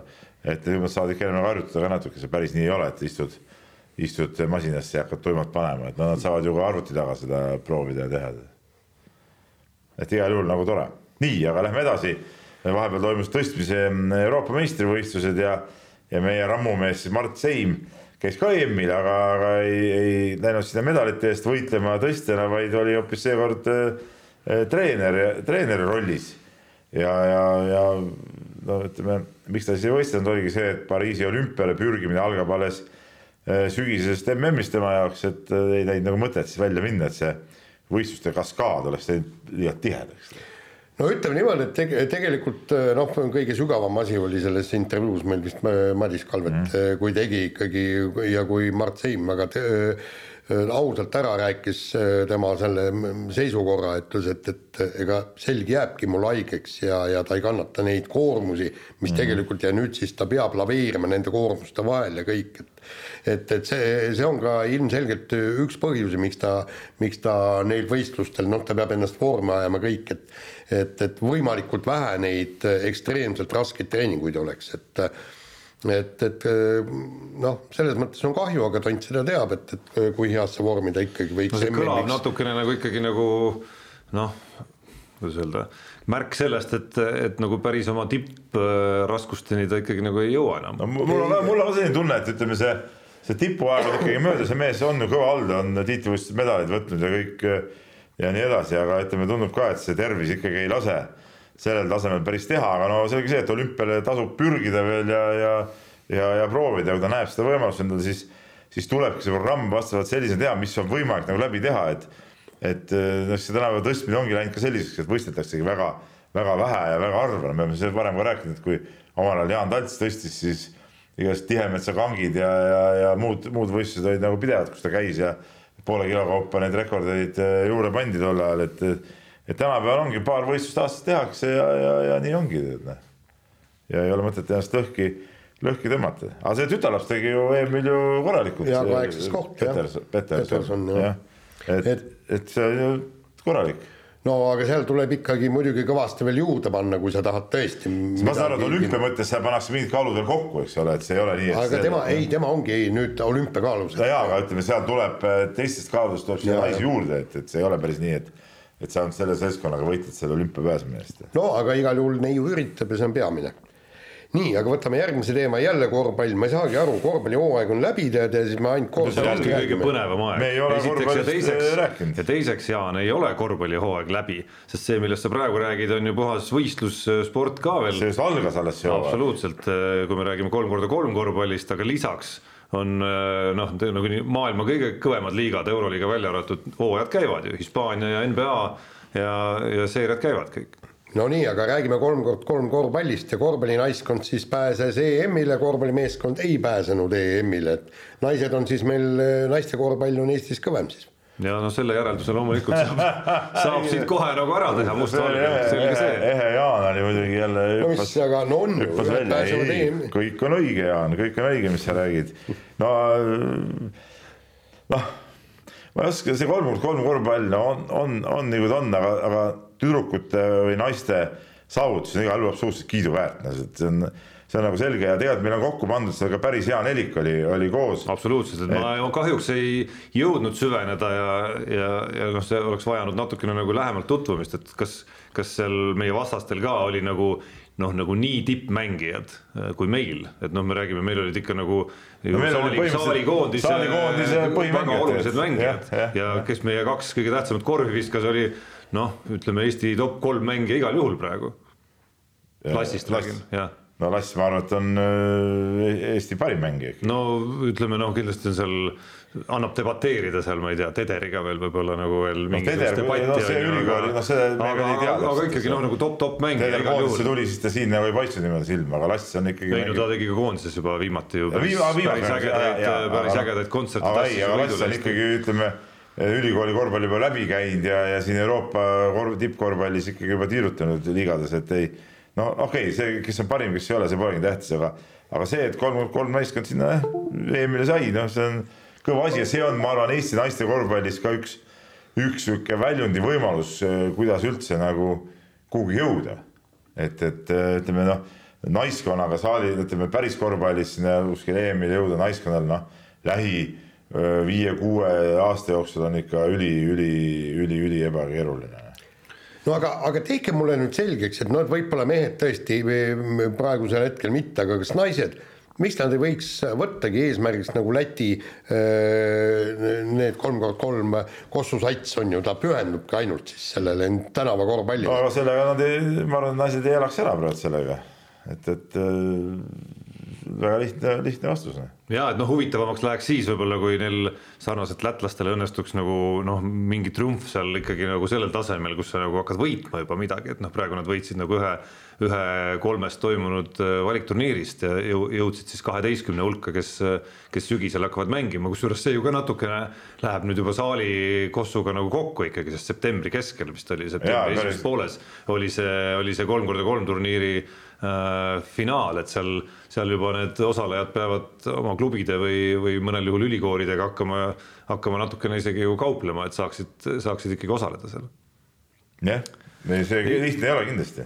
igatahes oli see päris haarav, et ma nende kahe mängu lõpud äh, vaatasin, vaatasin Youtube'i ülekannetest üle ka, et need olid ikka korralikud trillerid seal, mismoodi Eesti suutis need kätte saada, et eriti, eriti see kohtumine Läti vastu, kus ju äh, soovitan täitsa vaadata, see on nagu tõesti haarav vaatamine. seal oli olukord, kus meil oli vaja siis ühte punkti ja meil oli kaks vaba viset Annika Kösteril ja ta viskas need mõlemad mööda ja noh, selle peale tundub juba loogiline, et okei okay,, seal lasi tema võiduvõimaluse nagu ära, vastane saab rünnata ja viskab sisse, on võitnud, on ju, aga nad ei visanud ja siis sealt omakorda äh, tekkis, tekkis meil nagu uus võimalus, on ju, et selles mõttes oli see nagu noh, tulles selle saate alguse nii-öelda nagu sport ja meelelahutus äh, nagu nii-öelda selle nagu joone juurde, et, et see oli nagu täitsa, täitsa äge värk isegi neutraalsele korvpallisõbrale vaadata.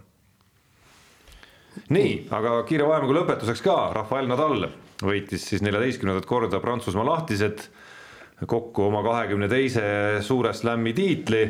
Ja noh, nüüd saab siis jälle arutada, kas on siis aegade suurim või ei ole. no ütleme niimoodi, et, et jällegi ma sain, sain täieliku elamuse, ma vaatasin neid viimaseid Nadali mänge ja kõik see Djokovic'iga finaali, no finaalis lihtsalt me, me Djokovic'iga ta finaali ei mänginud, ma igaks juhuks täpsustan. ei, ma tean, Ruudiga mängis finaali, aga ma vaatasin Djokovic'i mängu, Zvereviga mängu, kus kahjuks, kahjuks Zverev vigastada sai, finaali Ruudiga, no ütleme niimoodi, et, et noh, ikka Djokovic'i mängis ta puhtalt üle, rääkimata sellest noorest norralasest, et et ta on noh, kuulasin ka spetsialiste, kes ütlesid, et, et huvitaval kombel on, on Nadal on arenenud juba sellega, et, et, et tal ei ole nii palju kiirust, tal ei ole nii palju jõudu ja, ja ta eh, nii-öelda miksib neid punkte ja kogu oma, oma tehnikat ja see oli kena, aga siin on kõige suurem aga on ju see, et nüüd eh, järgmise kahe-kolme nädala jooksul selgub, kas, kas vend paneb räketit kotti või mitte, et tal on eh, jalanärvid, mingisugune põletik, vigastus, mis iganes. mängis valuvaigistite toel ja ta ütles, et rohkem ta valuvaigisteid nagu tennisemänguks kasutada ei taha. kui operatsioon on võimalik ja õnnestub, siis ma jätkan ja kui ei, siis mitte. ja kusjuures sellest suurest kolmikust on nüüd tal ju kõige suurem võimalus võitagi see suur slämm, kaks võitu on all Eh, kaks, eh, kaks võitu on tal all Austraaliast ja, ja Prantsusmaalt ja Wimbledon on kohe tulemas. ja aga no seda eh, nii-öelda terviseprobleemi kuulates ja nagu ajalugu vaadates see Wimbledoni võit, isegi kui ta läheb sinna, ei tundu siiski väga tõenäoline. see ei ole tema pluss olnud jah? no ma saan aru, et ta on võitnud Wimbledonis. on, on kaks ta, korda. just, aga Federeri ei ole, kes on täielik ju Wimbledoni kuningas ja, ja Djokovic. no erinevalt Austraaliast, Djokovic on kohal siiski. Djokovic on kohal, aga, aga Djokovic on võimalik võita, tähendab, jutt käib meil sellest, et rohkem Nadalil ei tule võimalust võita suurt slämmi. see on nüüd ainukene võimalus. ja kusjuures, ega Djokovic ei pruugigi üldse finaaligi jõuda aga noh, ei no see debatt on muidugi aina huvitavamaks läheb, on ju, ja siin on neid määramatusi ka nii palju, eriti Novak Djokovic'i ümber, et et kas me näeme teda veel, teda veel võitmas, no loogiline oleks, et me näeme siiski no,. aga noh, teisalt eks on hakanud alt ka natukene nagu segasemaks see seis minema, et ei ole ainult Nadal, Federer või või Djokovic selles seltskonnas, et noh, puhtalt numbrite järgi on justkui nagu Nadalile praegu väga raske vastu vaielda, et kui sul on kaks tiitlit rohkem kui, kui kahel põhikonkurendil ja, ja mis on veel nagu oluline minu arust on see minu arust see ajaperiood ka, mille jooksul ta on need võitnud, et temal on see kolmest hetkel vähemalt kõige, kõige laiem, et seitsmeteistkümne aasta jooksul lausa on need, on need tiitlid tulnud kõik. vot nii, laseme kõlli Unibetis saab tasuta vaadata aastas enam kui viiekümne tuhande mängu otseülekannet. seda isegi mobiilis ja tahvelarvutis. Unibet, mängijatelt mängijatele tahtsin lõpetuseks lihtsalt öelda, et, et tõesti, see Nadalile peaks, peaks kõik tennisefännid peaksid Nadalile praegu pöialt hoidma, et et va, vaata, kui piinlik see suur kolmik, kui ta jääbki Grand Slamita, et keegi ei võida ühel aastal neli suurturniiri no teisalt, teisalt on see just nagu väga loogiline. ei, aga, aga no see, see oleks kurb, see oleks kurb. nii, aga Unibet. aga ja, jah, jah, okei okay,, selle Nadali ümber võiks veel rääkida, no ma ei ole olnud sellest kolmikust kunagi nagu see, kellel, kellel noh, seal on, see on huvitav kolmik, et tennisemaailm ka ju jaguneb ikkagi nagu on Federeri pooldajad. mina olen Federeri pooldaja. mina olen ka andunud Federeri pooldaja selles kolmikus, aga, aga Nadal just nüüd oma selle nagu viimase nagu uue tulekuga, mida ta on teinud siin just sel kalendriaastal, on nagu ikka väga palju sümpaatiat võitnud, noh, see, mis ta tegi Austraalias ja noh, see, mis ta tegi nüüd ka täpselt samamoodi, see Austraalia oli nagu emotsionaalselt mõnes mõttes isegi nagu ma nagu meenutaks, võib-olla isegi nagu veel ägedam, noh, lihtsalt kuna see ei olnud French Open, et French Openil me oleme nagu seda, võtame natukene iseenesestmõistetavamalt, aga räägime meie Unibeti ennustusest ka. see on sobiv üleminek, sest minu parim panus oli see, mis ma jätsin tegemata eelmisel nädalal. ma just vaatasin seda Djokovic ja Nadali mängu.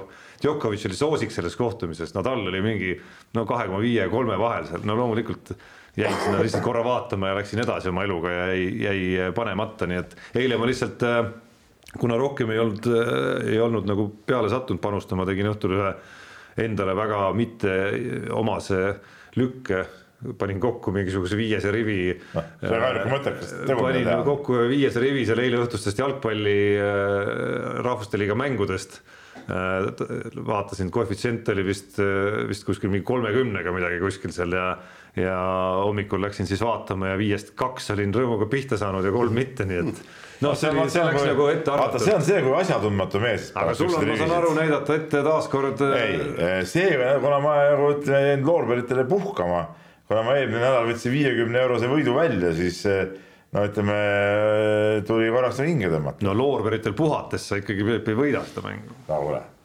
õigel hetkel võita ja siis jälle pass, siis jälle võidad, pass, võidad, et taktikamäng. jah, no eelmistel aastatel ei ole ükski su taktikamäng veel nagu pärjanud. ära sa ütle, ära sa ütle ma Kuna. nagu üritan nagu visata, nagu, visata sulle, vaata korvpalli, noh spordi, sportmängudes, mitte ainult korvpallis, on ju näiteid küll, kus nagu kuskil ütleb keegi, vastane ütleb mingisuguse tsitaadi, on ju, ja siis see riputatakse riietusruumi üles nagu ekstra motivatsiooniks, et ma üritan nagu sulle ka puid natuke alla panna, et siis et äkki siis nagu äh, seda loorberitel puhkamist näeme vähem ja action'it rohkem no.. Jaan, kuidas sul?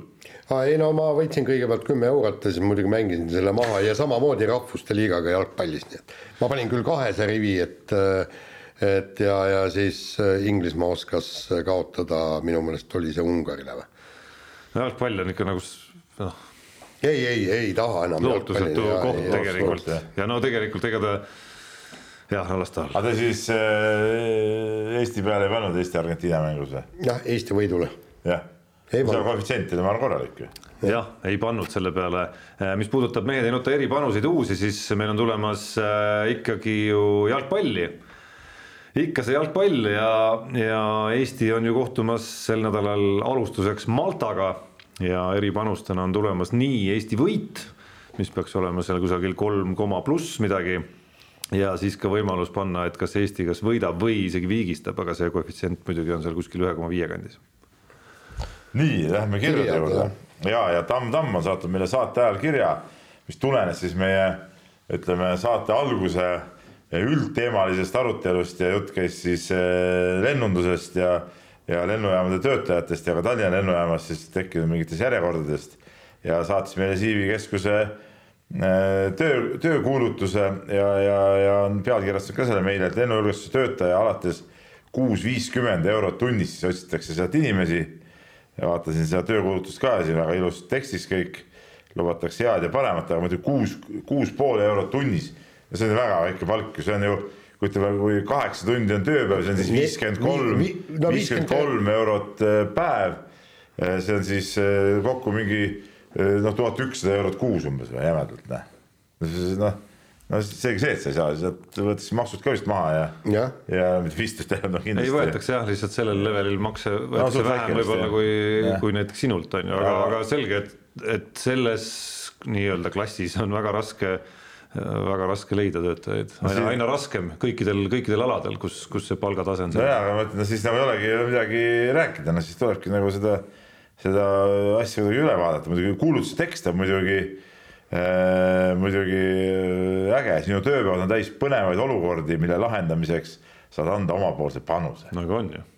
millist põnevaid olukordi, seisad seal, äh, lased sellest väravast selle, astuge läbi, aga tulge siia, lõhkaine kontroll ja siis nühid sa kellegi sõrmi natuke. jube, jube põnevad olukorrad. sa saad kaitsta hädasolijaid. milliseid hädasolijaid? no keegi ründab kedagi näiteks. kes see no miks mitte, sinusugune jõrm tuleb seal ja hakkab seal laamendama näiteks korda looma. mina olen riienud küll seal no, nendega. aga selliseid olukordi saabki lahendada. no aga see ei ole põnev. see on täiesti põnev jah, et ei no sellised head, head nahka sealt ei tule, nii, aga lähme muude kirjadega edasi ja, ja äh, Georg kirjutab meile ja, ja võtab, võttis ühe lause siis Oti rallilõpu intervjuust, kus ta ütles niimoodi, et äh, kas teie meelest näitab Oti lause, et Neuvillil Neuvilli ideid on raske ümber lükata seda, et Otti ei kuulata piisavalt Hyundai tiimis. no mis on ka loogiline, et Neuvill ongi see nii kaua olnud ja see ongi see võib-olla see murekoht, et, et Neuvilli ja Oti nägemused autodest on absoluutselt erinevad. ja, ja, ja ütleme, see Neuvilli sihuke vaim istub seal tiimis ikkagi natuke rohkem sees kui Oti oma. ja teine asi on see, et, et keeruline, kas on keeruline selles mõttes, et kui auto filosoofia on juba selline, siis seda, seda nagu nii-öelda ümber ehitada on, on keeruline, vot jah. et kas, kas nüüd on keeruline sellele tiimile selgeks teha, et, et kuulge, et teeks ikka hoopis niimoodi või, või on lihtsalt see auto kontseptsioon on selline, et, et Ott ei saa sealt ehitada endale mugavat autot. pigem ongi nii, see Ott ütles ka, et nüüd lõpuks ta nagu ütles, et noh, me oleme ka valmis nagu kuidagi kohanema, eks ole, ta on kogu aeg, ta on väga raske kohaneda seal mingite asjadega, me oleme valmis kohanema lihtsalt, on midagi muud ei jää, ei jää üle. aga mitu kirja on tulnud äh, ühe sama sisuga siin äh, ja küsitud seda, et mis seisus, mis seisus on Magnus Kirt ja, ja millal ta kavatseb võistelda ja pole temast mitte keegi mitte midagi kuulnud ma olen seda teemat natuke ikkagi uurinud ja, ja, ja siin korra oli juba õhus, et ta pidigi juba korra võistlema, aga siis ikkagi ei võistelnud ja, ja nüüd on jälle sihuke, sihuke lahtine seis, et, et millal ta siis äh, äh läheb, läheb võistlusrajale, et no mida rohkem see edasi lükkab, seda seda keerulisem see on, mul sihuke tunne. no praegu tulevad ju Soo-, äh, Soomes ju need nurmimängud sinna ei lähe. ei no nurmimängud, äh, nüüd see nädal on üks võistlus, ei ole veel nurmimängud, seal, seal ei olnud küll, kas seal üldse odav isegi ei no nurmimängud olid minu meelest olid jaanipäeva. ja, ja ma ütlen, et nüüd ja. siin tuleb ka, kus palju eestlasi on mm -hmm. kolmapäeval vist äkki äh, on Soomes.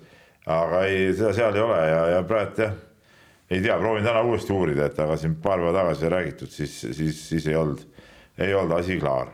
Äh, Mihkel Plaas, meie vana kirjasaate kirjutab ka ja ja ka veel kord ralli teemadel ja, ja tuleb tagasi ka selle vana teema juurde, et vaadates ralli MM-i pühapäevasid äh, luigutamisi, nagu ta siia kirjutab, kus ainult punktikatse käib surumine, siis kas võiks olla lahendus siin see, et punktikatse asemel jagatakse äh, viimasel päeval iga kiiruskatse eest järgnevad punktid, et esikoht üks punkt, teine koht null koma viis, kolmas koht null koma kakskümmend viis punkti. no läheb no, väga komadeks. see läheb, no see läheb natuke jah, natuke võib-olla liiga komadeks, aga aga äkki võiks läbi ralli, ütleme, võib-olla võiks ei, seda laiendada üldse läbi ralli ikkagi. siis mõtle peale, kui rallis on kakskümmend kiiruskatset no. näiteks, siis sa võidad kõik ära kakskümmend punkti. ei no okei okay,, sa saad siis natuke tõsta võib-olla seda võidu nagu kogu seda punktisüsteemi, sa muudad korraga siiski. väga hea lahendust ei ole, ma olen nõus. ma kirjutasin ka laupäeva õhtu päeva kommentaaris, et ega pühapäeval Eh, vahel täpselt sellised pühapäeval mitte mingit eh, sõitu ei tule, et noh, see oli, see oli nagu selge. jaa, aga punkt kiiruskatse võidu eest, jättes need komad ja asjad seal võib-olla nagu ikkagi rahule on ju. viimasel päeval annaks, jah. annaks, okei okay,, teinekord muidugi viimasel päeval on põnevust ka, et, et siis justkui nagu ei ole vaja. väga harva muidugi. sellepärast ma mõtlengi, et võib-olla oleks mõistlik seda nagu terve ralli peale teha, et kiiruskatse võit annabki. seda ma ei poolda, aga viimasel päeval seal on tavaliselt ütleme neli-viis kiiruskatset, ütleme sealt natuke juurde saada, no miks ka mitte tegelikult noh. see, see, see võiks olla küll tegelikult nii, aga teada Priidik ka meie alaline väga hea kirjasaatja on kirjutanud siis sellise jutu. meeskondlikes, meeskondlikes spordialadel kerkib üha äh, ikka jälle üles kohtunike pädevuse teema ning nagu näha on olnud, on eriti, on finaalturniiridel nende kohta ka mängijatel üht koma teist öelda, ütelda. samas vajab kohtunike töö raudseid närve, et mitte kas või alateadlikult saada mõjutatud publiku arvamusest ning teha oma tööd täpselt ja õiglaselt kes on need Eesti kohtunikud, kes paistavad silma kõige tugevama närviga? no mina ütlen nii, et, et üks sihuke mees võib-olla oli, kes enam, ma võin korvpallist ütelda, Atso Matsalu muidugi, kes minu arust ei lasknud üldse kõigutada ennast äh,. mis seal nagu toimus, väga hästi sai nagu, hoidis nagu seda äh, oma joont ja, ja asja, asja üleval ja praegustest meestest äh, Aare Alliku minu arust on, on sihuke, sihuke hea, hea tugeva närviga kohtunik, et et Rain Veerandi mõnikord läheb näost nagu liiga punaseks ja, ja siukseks nagu, nagu, nagu kulm läheb kirpu, ta on ka väga hea kohtunik muidugi. aga, aga võib-olla natuke läheb selliseks, küll aga on äh, vähemalt korvpall, on seal aga päris palju kohtunikke nagu närvi üldse ei ole, tähendab noh. Tähendab, kes nagu kes nagu plähmerdavad nagu ikkagi oma tehniliste asjadega, see on nagu jumal juhatab tead. eks see ongi ju, eks see, eks see ongi ju taseme näitaja lõpuks. ja see ongi taseme näitaja jah, aga kahjuks siukseid tasememehi on, on ka liiga, liiga palju. no muudest aladest ma ei oskagi, ei oskagi niimoodi ütelda, ma võrkpallis, ma mäletan muidugi Mati Koorep oli sihuke, sihuke nagu ütleme, ütleme legend ja, ja, ja raudkuju ütleme, kes kes, kes hoidis asja hästi-hästi ohjes. ja aga seal tegelikult ongi ju, ju, kui me vaatame, sa rääkisid Allikost ja, ja Matsalust ja, ja Peerandist ja, ja nemad ongi ju rahvusvahelise taseme kohtunikud no,, kes käivad, käi, käivad ikkagi suuri mänge vilistamas ja, ja täpselt selle järgi võibki võtta, ega mingit närvikera ei panna, ei pane ju jalgpalliski, ei saada ju mingisugust, noh, ma ei tea, rahvuste liigat. no Kristo Tohver on jalgpallikohtunikest ja. äh, ikkagi noh, nagu rahvusvahelises plaanis ikkagi nagu tegija, on ju, et aga ma ei, ma ei ole nii palju vaadanud kodust mängu, et hinnata siis, kui hästi ta, kindlasti Tarmo Kink, kui temalt küsida, siis ütleks, et ei, ei näe seal seda taset, mida aga ikka natuke minu partei mees nagu ütleme. aga, aga võib-olla nagu ühtlane hinnang, ma kahtlustan, on siiski midagi muud, on ju, et selline neutraalsem hinnang. ei, mina arvan, et Kingi hinnang on alati õige. jah, ja noh, see Peerandile antud eh, hinnang oli ka, lugesid siin mingit visuaalset näopuna justkui kuskilt on ju, mis võib-olla tuleb jooksmisest üldse, et eh, ja füüsilisest koormusest. seal ei peaks olema treenitud. no ma olen treenitud. ta läheb veel kolm kirpa ka, ei ma tean, ma täpselt tean, kui, kui tal nagu teda nagu, nagu pahandab nagu mängija või treeneri peale, siis natuke peabki pahandama. et see on ka osa sellest, et anda treenerile mõista, et kuule, hoia nüüd ja, nagu natukene. aga noh, aga no ei, ma ei ütlegi, ega Perand ei ole ka niisugune plähmerdis. ei, mulle Rain Perandi kohtunikuna väga meeldib. ja aga küll, aga on, ma tean, on kohtunikke, kes nagu, kellel see, see tirts ja see tehniline liigutus käib nagu liiga kiirelt ja ja, ja, ja kellel nagu üldse nagu närvi ei ole. no ma, mis, ma mis, no mis on enamasti ükskõik, mis alast me räägime, on, on ju pigem selline nagu ebakindluse märk siiski, et, et me Halliku ja Pärandi puhul nagu näeme sellist nagu no,, nagu tasakaalukust. ütleme Eestis muidugi, kui mängud toimuvad, ütleme, kui nemad vilistavad äh,, siis on ikkagi kord ikkagi suhteliselt majas, et, et, et neile seal keegi ei hakka eriti ka midagi äh, hobisema ja, ja, ja eriti Allik on see, kes nagu seletab korda, seal ei ole tähtis, et et kohtunikud seletaks mingeid olukordi ka, et miks on nii. aga mõni tead keerab selja ja tead sammub minema, et, et, et, et see ei, see ei ole nagu, nagu hea variant. Sussla on ka hea kohtunik näiteks. et noh, me näeme. paljud, paljud kritiseerivad Sussla, Sussla on minu arust ka väga hea kohtunik. et seda on teleülekannetes ka päris hea vaadata, ükskõik mis, olgu nad Eesti kohtunikud või, või rahvusvahelised tippkohtunikud, et seal noh teinekord paneb ennast ka imestama, et kuidas mängijad ja treenerid, kes tunnevad korvpallireegleid ikka või jalgpallireegleid väga hästi, on ju aga reeglid nii hästi. kes nad tegelikult nad tunnevad, aga mänguolukorras kaob see nagu tundmine ju nagu täiesti ära, pluss nagu teavad väga hästi mingites kohtades, kas nad puudutasid seda palli või ei puudutanud, on ju. Äh, kuidas nad suudavad nagu ikkagi nagu täiesti lambi kohtades hakata jätma mulje ja apelleerima, et, et kuidas, kuidas kohtunik eksis, et see, see nagu kohati äh, vaatajana nagu pakub nagu nalja isegi, tõsi, mõtled ennast ei. kuskile olukorda sinna noh, mingil täiesti uhhuu amatöör tasemel muidugi noh, siis eks mis seal salata kui endal mingid asjad ei suju, siis kipuvadki väga ei, lihtsasti, lihtsasti need asjad tulema. siis on alati nii, aga see, et sa. kasvõi, et kasvõi ennast petta, et ma tegelikult mängin nagu paremini ja, ja näed siin kõik muud on süüdi. aga see, kellest nüüd out'i läks ja näitad, et ei, ei, meie pall on ja sellega kohtunik mõjuta ja isegi annab teise, kuule, oota, mis nüüd sa tegid teinekord äkki tead, panebki sinu poole sinna. no kõige, kõige koomilisem minu arust on ikka veel endiselt, videokordused on ikkagi nagu tipptasemel juba päris ammu ja väga täpselt, ma arvan, teoorias juba teatakse, mis hetkedel üldse on ette nähtud, et neid mm. vaadatakse, ma arvan, et neil on räägitud seda söögi alla, söögi peale. ikka näeme, kuidas kuskil teisel veerandajal minnakse kohtuniku juurde, hakatakse nõudma, et ja. mingit Audi, kellest Audi läks, et lähme vaatame üle. vaadake, vaadake üle, jah, nii on. no nii, kuulge kaks tundi ja, või tund ja viisteist minutit on juttu aetud, aitab küll, laseme kõlli ja kuulake mind järgmine kord. mehed ei nuta. saate tõi sinuni Unibet, mängijatelt mängijatele